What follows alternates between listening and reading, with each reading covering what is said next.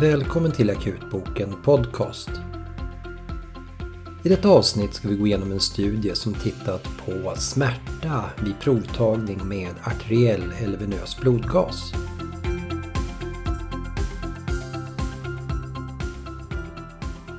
Vi har tidigare i podcasten gått igenom studier som talar för att för många patienter kan vi använda en venös blodgas istället för en arteriell blodgas.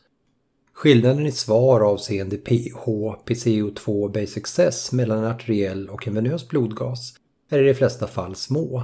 Och även om vi inte kan tolka PO2 på en venös gas så är non-invasiv mätning av syremättnad med pulsoximetri i de allra flesta fall mycket pålitligt för att bedöma om patienten har en kliniskt signifikant hypoxi.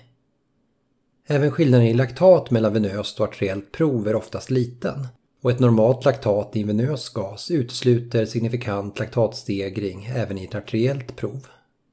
De skillnader i värden från en arteriell jämfört med en venös blodgas är således i många fall inte kliniskt relevanta och påverkar oftast inte vår bedömning och handläggning av patienten. Det finns flera skäl att om möjligt undvika arteriell provtagning i arteria radialis men ett skäl är att många patienter upplever att det gör betydligt mer ont med arteriell provtagning jämfört med venös prov. Vi har nu fått en studie som tittat just på hur patienter upplever smärta vid provtagning med arteriell eller venös blodgas. Studien som publicerats i Emergency Medicine Journal är en prospektiv randomiserad studie genomförd på fyra akutmottagningar i Frankrike. Totalt 113 vuxna patienter som sökt till akutmottagning och som inte haft signifikant hypoxi enligt mätning med pulsoximeter randomiserades till att antingen genomgå blodgasanalys med ett arteriellt prov från arteria radialis eller ett venöst prov från någon ven i armen som provtagaren bedömde lämplig för provtagning. Tre minuter efter provtagningen tillfrågades patienten om hur stark den maximala smärtan av provtagningen hade varit och fick ranka smärtan från 0 till 100 på en 100 mm lång vasskala. Det primära utfallet i studien var maximal smärta vid provtagningen enligt VAS-skalan och studien visar att medelsmärtan enligt VAS rankades till 41 mm av patienterna som genomgick arteriell provtagning jämfört med 23 mm av patienterna som genomgick venös provtagning. Det vill säga patienterna som provtogs med ett arteriellt prov upplevde smärtan som dubbelt så stark som de patienter som provtogs venöst. Som ett sekundärt utfall tittar man också på hur enkelt den sjuksköterska som genomförde provtagningen upplevde att provtagningen var.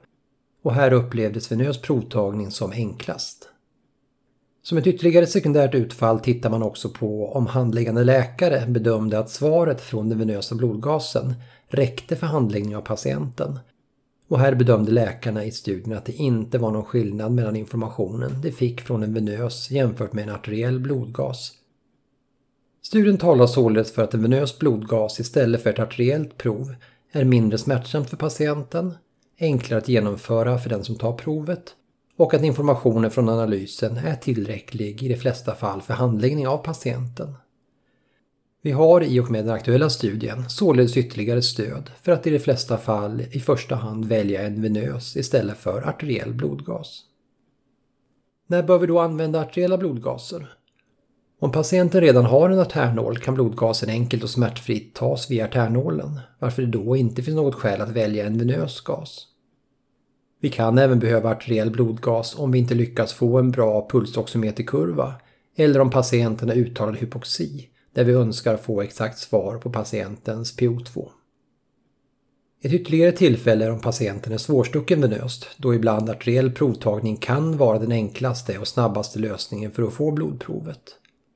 För övriga patienter är mitt tips att nästa gång du tar en blodgas funderar på om du verkligen behöver ett arteriellt prov. Eller om den information du får från en venös blodgas räcker för att handlägga patienten.